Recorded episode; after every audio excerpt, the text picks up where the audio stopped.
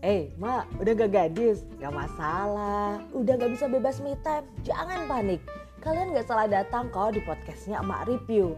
Cara mengulas kisah kehidupan, problematika emak-emak, dan kegalauan mengeksekusi barang dengan cocok dan bijaksana. Yuk ah, bareng Imam Fron di sini, yaitu emak beranak dua yang udah beralih panggilan menjadi Emak Ajun. Assalamualaikum.